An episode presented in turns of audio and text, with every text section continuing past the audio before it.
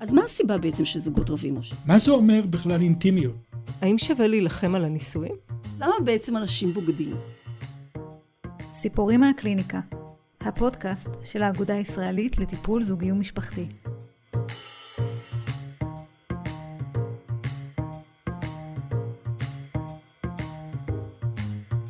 שלום לכל המאזינים והמאזינות, ברוכים הבאים לפודקאסט של האגודה הישראלית לטיפול זוגי ומשפחתי. אני דוקטור חגית ירניצקי, פסיכותרפיסטית, מטפלת ומדריכה מוסמכת בטיפול זוגי ומשפחתי, ואיתי כאן היום דוקטור גלית לזר, מנהלת מכון איזונים לטיפול זוגי ומשפחתי, פסיכותרפיסטית ומטפלת זוגית ומשפחתית מוסמכת. שלום גלית. אז על מה אנחנו מדברות היום? אנחנו מדברים על זה שהבטחנו זה לזו ברגע של חולשה. שאם ניפרד, נגמור את זה יפה. היה לי טלפון אתמול ממישהי שהציגה את עצמה, למה רוצה להגיע לטיפול, כי היא החליטה שהיא הולכת להיפרד מבעלה. אה, שאלתי כמה זמן, הייתה החלטה, האם לפני, האם הם היו בטיפול קודם? לא, לא היו בטיפול קודם, אבל ככה היא החליטה. והיא כבר עברה לדירת, יש להם איזו יחידת דיור, היא כבר עברה, עברה ליחידת דיור מלמטה, ורגע לפני בעלה אמר לה, את יודעת מה? אני מוכן להיפרד, אבל בתנאי שאנחנו הולכים לטיפול זוגי. לא רע, בדרך כלל זה מגיע מצד האישה. לאו דווקא, לא. לאו מגיעים, דווקא, אוקיי. מגיעים גם וגם, אבל מה... אבל, הוא אמר, עוד אוסיף עוד משהו. אם המטפלת תגיד שאנחנו צריכים להיפרד, אנחנו ניפרד. אנחנו נשמע מה היא אומרת. את מכירה את זה בטח. המשאלה תמיד קיימת, שיהיה איזה אח גדול, מישהו... שיגיד לנו. שיגיד שהוא בטח יש לו את הכלים המקצועיים אה, להגיד אם נכון, לא נכון, להישאר, לעזוב. אה, הבעיה היא שאני מאכזבת את המטופלים, ש... את אלה שפונים אליי כבר בטלפון, ואומרת בצורה מאוד ברורה, זה לא ענייני, אם תתחתנו, אם תתפרדו, אם תפתחו את הנישואים, תסגרו, מה שתחליטו לבחור אחרת. אז למה לבוא לטיפול? כי זה לא התפקיד שלי כמטפלת, לעזור להם בהחלטה אם להיפרד או לא.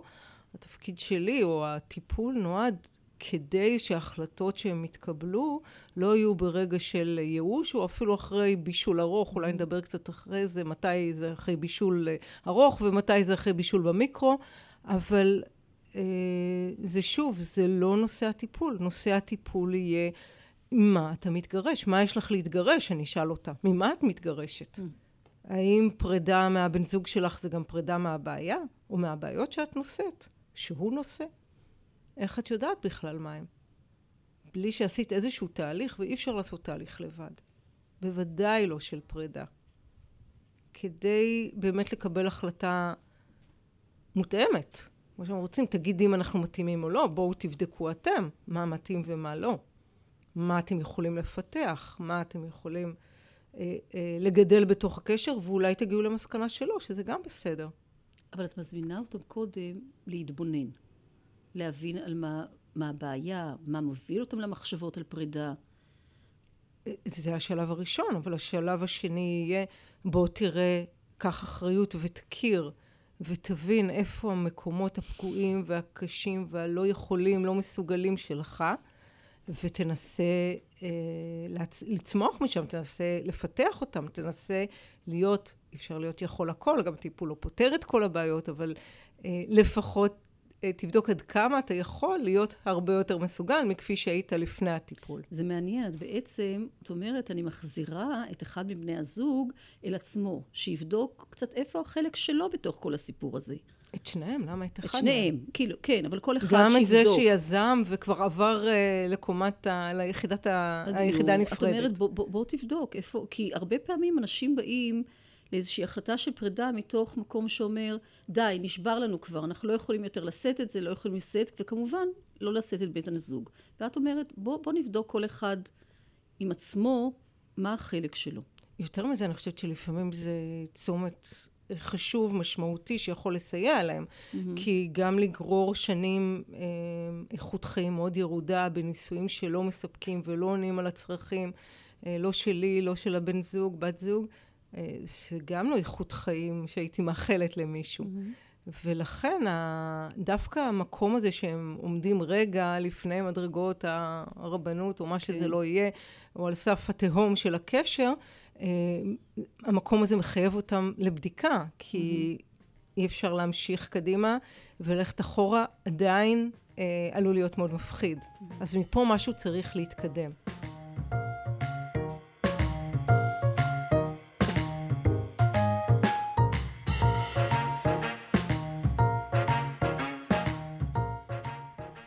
חושבת מביא אנשים לחשוב על פרידה? למשל זוג כזה שכבר נשוי 40 שנה, התרגלו לטוב, לרע, מאיפה זה מגיע פתאום המחשבות על פרידה? אני חושבת שזה לא מגיע פתאום, אני חושבת mm-hmm. שיש הרבה מאוד שנים, שזה גורר איתו הרבה מאוד שנים של תחושה, תחושות קשות, של ריקנות, של בדידות בתוך הקשר. אה, הרבה אנשים מתארים איזו חוויה של מוות אה, רגשי, מוות רגשי ונפשי. Mm-hmm. אין עניין באחר, אין עניין בי, אין שיתוף רגשי. בעצם הזוגיות מאבדת את התפקיד שלה, לפחות התפקיד מבחינתי, mm-hmm. מעבר להולדת צאצאים. ולפונקציונליות שלו להיות לבד וכולי. פונקציונלית כלכלית, פונקציונלית פיזית, אבל mm-hmm. היא מאבדת את התפקיד המהותי שלה, שזה לאפשר המשך של התפתחות בתוך הקשר. Mm-hmm. אם אני נשארת במשך, איך אמרת, 40 שנה, במקום לא מפותח, במקום ילדותי, במקום שנמנע מלהתמודד, שמפחד או מרגיש שאסור אה, לגעת או, או להרגיש כל מיני אה, רגשות, אני בעצם קופאת במקום, ובאמת מה שהם התלוננו, כמו שאמרנו, זה איזושהי שחיקה ושעמום. ויש את הצעירים יותר, שלא נשואים כל כך הרבה שנים, וגם מגיעים עם רצון לפרידה, וזה נראה שזה ממקום קצת אחר. את רוצה להרחיב על זה קצת? אה, אנחנו שתינו מכירות את הזוגות, כן. שא', השנה הראשונה היא שנה מאוד קשה. Mm-hmm. השנה של הילד הראשון, לפעמים גם השנה של הילד השני, הן שנים מאוד מאוד מאתגרות את הזוגיות, הן פוגעות בקשר, אין בכלל ספק ושאלה, הן מוסיפות הרבה מאוד לחצים ללחצים שהיו מלכתחילה. אה, אבל אם אפשר להגיד באופן גס, ובוודאי כוללני, זה הרי בוודאי לא כולל את כל הזוגות, בזוגות שהם יותר, עם קילומטראז' יותר אה, נמוך, אנחנו נראה הרבה פעמים שמלכתחילה לא באמת היה מגע אינטימי ביניהם. כלומר, מגע רגשי לא באמת אחד מוכר לשני, היה מוכר לשני, ולא באמת היה מספיק ביטחון בקשר להיחשף, אה, להביא היבטים שהם קצת חלשים, או, או נזקקות למשל, או צורך באחר. הרבה פעמים אלה היבטים שאו נדחו או, ש, או שהציפו את הקשר, אבל אי אפשר היה לעשות איתם כלום. אה, נוסיף לזה חרדות כמו שאנחנו נקרא להם הפומו, הפחד מלהפסיד את מה שבחוץ, מה שגם מקשה על אנשים הרבה פעמים להתחייב לקשר, נכון. אבל גם עלול לאנשים שהם לא בשלים או שחוו חוויות לא פשוטות בילדותם או בהמשך חייהם עם קשרים אינטימיים, חוו קשר קרוב כקשר שמאכזב, כקשר ששומט, כקשר שהוא לא יציב ולא בטוח, עלולים מהר מאוד אה, לבנות איזשהו מערך הגנה של אה, הימנעות מכניסה לקשר mm-hmm. ולהעדיף ליזום פרידה או ליצור מצבים של פרידה ובלבד לא להביא היבטים אה, שזקוקים לקשר אצלם.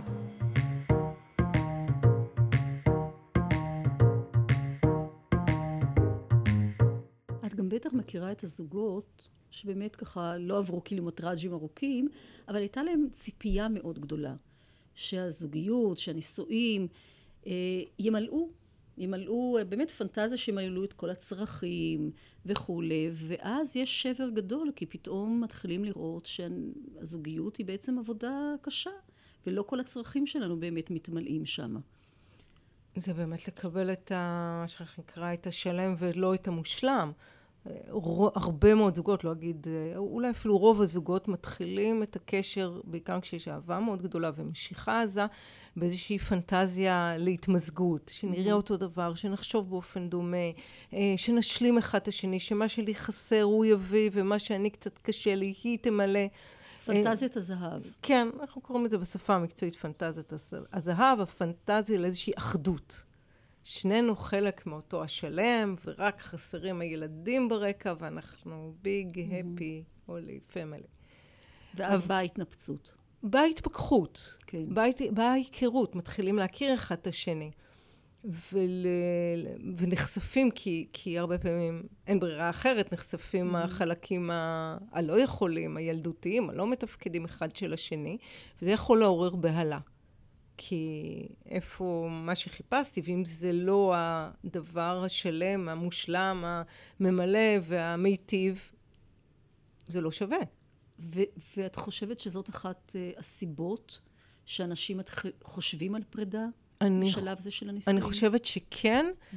ואני חושבת שהפנטזיה שאם הם שוב יעזבו את הבת זוג, אה, אה, הם ימצאו, או בן זוג, אם היא תמצא את האחד ויחיד, כי הוא כבר אי אפשר לשאת אותו בכלל, mm-hmm. והוא כזה ילדותי, והיא כזאת היסטרית, והיא כזאת אה, תוקפנית, הוא כזה מסוגר שאי אפשר להגיע אליו.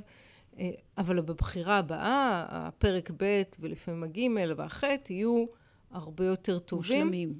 מושלמים. מה שהם לא כל כך מבינים, או, או לא כל כך יכולים גם להכיר, זה לא שזה אה, מאוד קרוב למודע, זה הרבה פעמים עמוק בלא מודע שלנו, זה שגם אנחנו מופעלים וגם מפעילים מחוויות מאוד ראשוניות שלנו עם קשרים. עכשיו, אנשים שגדלו עם הורים, שלא היו, אף אחד לא היה מושלם, אבל עם הורים שהיו מספיק טובים וסיפקו צרכים ראשוניים אה, טובים והעניקו אמפתיה והיו שם רגשית, אה, יותר מדויקים, פחות מדויקים, הם יוכלו לשאת גם את הטעויות של ההורים שלהם כשהם ייכשלו, כי בגדול הייתה דמות הורית מיטיבה. אנשים שהגיעו מהורים שהיו מאוד לא צפויים, או מז... חלילה גרוע מכך, מזניחים, אה, מתעמרים, אה, מתעלמים, לעולם לא הייתה להם את החוויה הזאת ש... שמגיע לכל אחד שיהיה, איזושהי דמות ש, שתהיה שם רק בשבילו.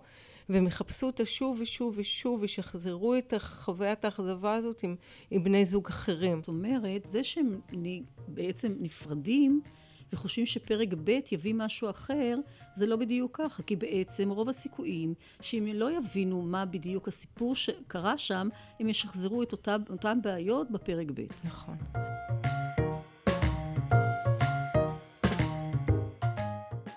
לכן אין לי פה, אין לי רתיעה, אני לא רואה בגירושים מחלה mm. קשה שחייבים להילחם בה, ואנחנו בואו לטיפול, כי אנחנו נציל אה, את חיי הנישואים שלכם, או את הזוגיות שלכם. כמו שאמרתי, זה בכלל לא ענייני. ענייני הוא שאם תקבלו את ההחלטה להיפרד, תבינו היטב היטב ותהיו יכולים יותר, ואז באמת הפרק ב' שלכם, יכול להיות שהוא יהיה הרבה יותר מותאם ו- וימלא, אה, ותגלו שיש חיים אחרי המוות. אבל החיים אחרי המוות לא יבואו כי אה, תמצאו רק מי שיחיה אתכם. אז איך נראה טיפול כזה עם זוג שמגיע באמת סביב התלבטות על פרידה? אה, יהיה איזשהו זמן. אנחנו קודם כל נגיד להם ש... אה, נציג, ביניהם, נציג בפניהם את המציאות כמו שהיא. אין פה בין וגמרנו, ואין אה, תגידו לנו אם אנחנו מתאימים או לא מתאימים. את יודעת, הבדיחה המפורסמת שלנו שזוגות מתאימים זה בחנויות נעליים. אמ, אבל אנחנו נגיד להם, כן, יש פה תהליך ארוך שהוא... אנחנו לא יודעים לאן הוא יוביל בסופו של דבר, לא רק אם לפרידה או לשיקום, אפילו לא שיקום בנייה של הקשר. אמ, כי הוא קשה והוא, אה, והוא לפעמים קצת מתסכל אפילו, כי הוא מחייב איזושהי עבודה פנימה. אחד מבין בני הזוג, אם זה האישה או בן הזוג, מתקשר ואומר, החלטתי להיפרד. למה את מזמינה אותם בעצם לטיפול זוגי? כי אני לא, כדי לבדוק איתם עם ההחלטה, או עם ההחלטה, מה, מה משמעות ההחלטנו הזה. לפעמים זה הרבה פעמים אני החלטנו, ולפעמים זה באמת החלטנו, ולפעמים רק אני החלטתי, אבל ההחלטות האלה, אם הן לא באות מתוך איזושהי התבוננות, מתוך איזשהו מקום שיכול, כמו שאמרתי קודם, להסתכל פנימה והחוצה על עצמי, עלינו כזוג, להבין היטב היטב מה השתבש לנו, איפה הדברים או איפה התהליכים שהזוגים שלנו כשלו, מה בחלקים שלי פגע או שיבש או עיכב תהליכי התפתחות שלנו כזוג.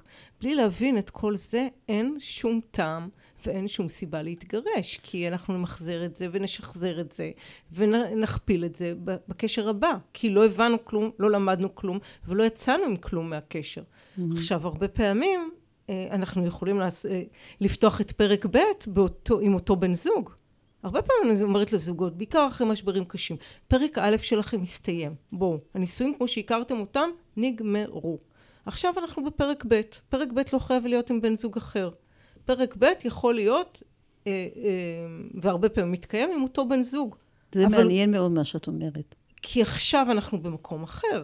כי עכשיו אנחנו יכולים לראות דברים שקודם לא יכולנו לראות, הרבה פעמים הודות לתהליך שעברנו בטיפול ולעבודה שעשינו שם.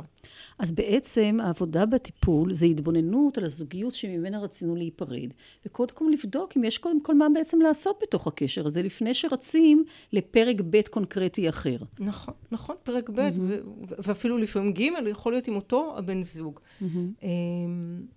הרבה פעמים, דרך אגב, שואלים אותי, אז את יודעת מה, אז אני אבוא לבד. זה בין כה רק שאלות שלי. אוקיי. Okay. אה, אם שני בני הזוג מוכנים להגיע, אני תמיד תמיד אעדיף אה, לראות אותם כזוג, לפחות כהתחלה. אה, אני ממש מפצירה בהם להגיע כזוג, כי אם את תבואי לבד ותגידי, תראי, הוא כזה, ותספרי את הדברים בצורה הכי כנה ופתוחה וישירה, ובלי להסתיר, ואפילו תקחי על עצמך חלק מה, mm-hmm. נקרא לזה במרכאות כפולות אשמה, אוקיי? Okay? עדיין בחדר תהיה רק המציאות שלך, חגית. Mm-hmm. לא תהיה המציאות של הפרטנר או הפרטנרית שלך. ואז אני יכולה להתייחס למציאות מאוד מאוד חלקית, כי אני רואה רק מה קורה לי איתך, מה קורה לך איתי, אבל אני מפספסת היבטים מאוד מאוד חשובים ומרחב מאוד מאוד אה, משמעותי שלך בתוך הקשר. כל עוד יש פרטנר, אני אוכל ללמוד עלייך הרבה יותר בהקשר הזוגי, כשאני אראה אותך גם באינטראקציה שלך עם בן הזוג. כי הרי לא כל כך מעניין תמיד, או חשוב נורא התוכן שאת מביאה, הוא חשוב אבל מאוד מאוד חלקי. מה שחשוב הוא מה שמתקיים בקשר. או איך את מגיבה אליו, או איך הוא מגיב אלייך, או מה את מעוררת בו, או מה שניכם מעוררים בי אבל, כזו. אבל אני חושבת שמה שמשמעותי פה גם, אה, גלית, זה העניין הוא, שבסופו של דבר ההחלטה להיפרד היא החלטה זוגית. ולכן אנחנו רוצים לעבור איזשהו תהליך עם הזוג, להבין מה הסיבות שהביאו אותנו להיפרד, האם יש משהו לעשות עם זה או אם לא, וגם אז השאלה היא באמת, אם יש החלטה להיפרד, מה אז קורה, מה אז קורה בטיפול? אנחנו עובדים על פרידה. Mm-hmm. גם פרידה הוא תהליך. כן. וככל שהוא יותר מעובד, וככל שהוא יותר אפשרי, וככל שהוא יותר נגיש לנו רגשית, אה, לא, לא רוצה להשתמש במילים קשות כמו טראומה, כמו זעזוע, אבל ה, הכאב שכרוך ב, באבל על, על מה שהיה ועל מה שלא התקיים או מה שיכול היה להיות, הוא אבל שאפשר אה, לאבד ולחיות איתו בצורה הרבה יותר טובה ושלמה מכפי שתהיה בפרידה שהיא טראומטית נגיד, mm-hmm. שבו לא היה לי שום שליטה והדברים נכפו עליי ו, וגם לא עברתי שום תהליך איתו. Mm-hmm. אז גם להיפרד, כדאי לעשות איזשהו תהליך זוגי.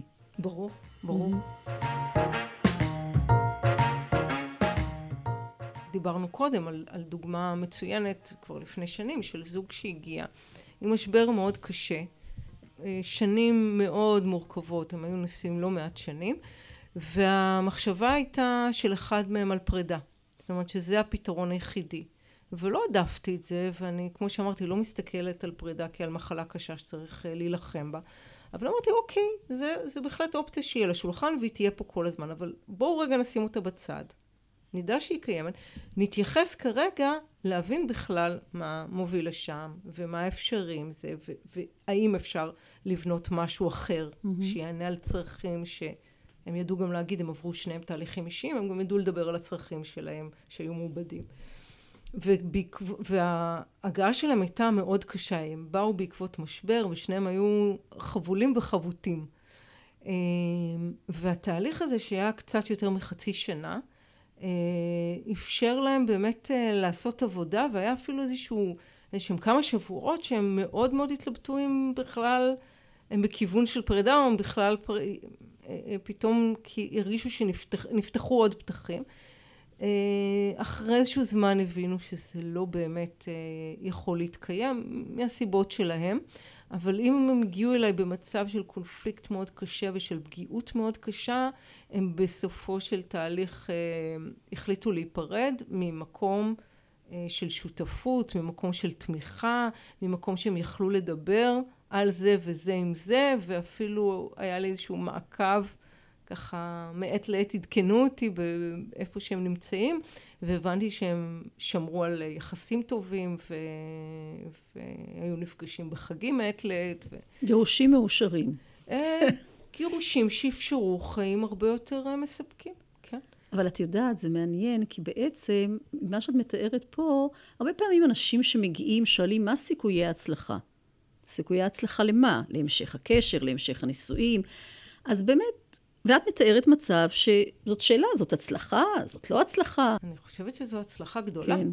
אני חושבת שזו הצלחה גדולה. שוב, אני לא לוקחת על עצמי את הלפיד של להחזיק... של להחזיק אנשים בכוח ביחד. אפילו לא בכוח. הם באמת צריכים לבחור אחד כן. בשני. אבל שההחלטה תהיה, כמו שאמרנו, מתוך בחירה ולא מתוך בריחה, mm-hmm. או לפנטזיה, או כי יש פה משהו שאני לא יכול לשאת יותר. זאת אמירה מאוד מאוד חשובה. אז אולי נסיים פה. יכול להיות. וניפרד. פרידה, נכון. יפה. פרידה לא מתוך באהבה. מקום של בריחה. יפה ביחד. מאוד. בהחלטה משותפת. אז תודה גלית על השיחה המאוד מאוד מרתקת. זו כבר שיחה שנייה שלנו, וכל פעם אנחנו לומדות משהו חדש. אה, וגם זה שנתת לנו קצת הצצה לחדר הטיפולים. אה, אז תודה. תודה. וגם אני נפרדת מכם, נפרדת מגלית, ונתראה שוב בפודקאסט הבא.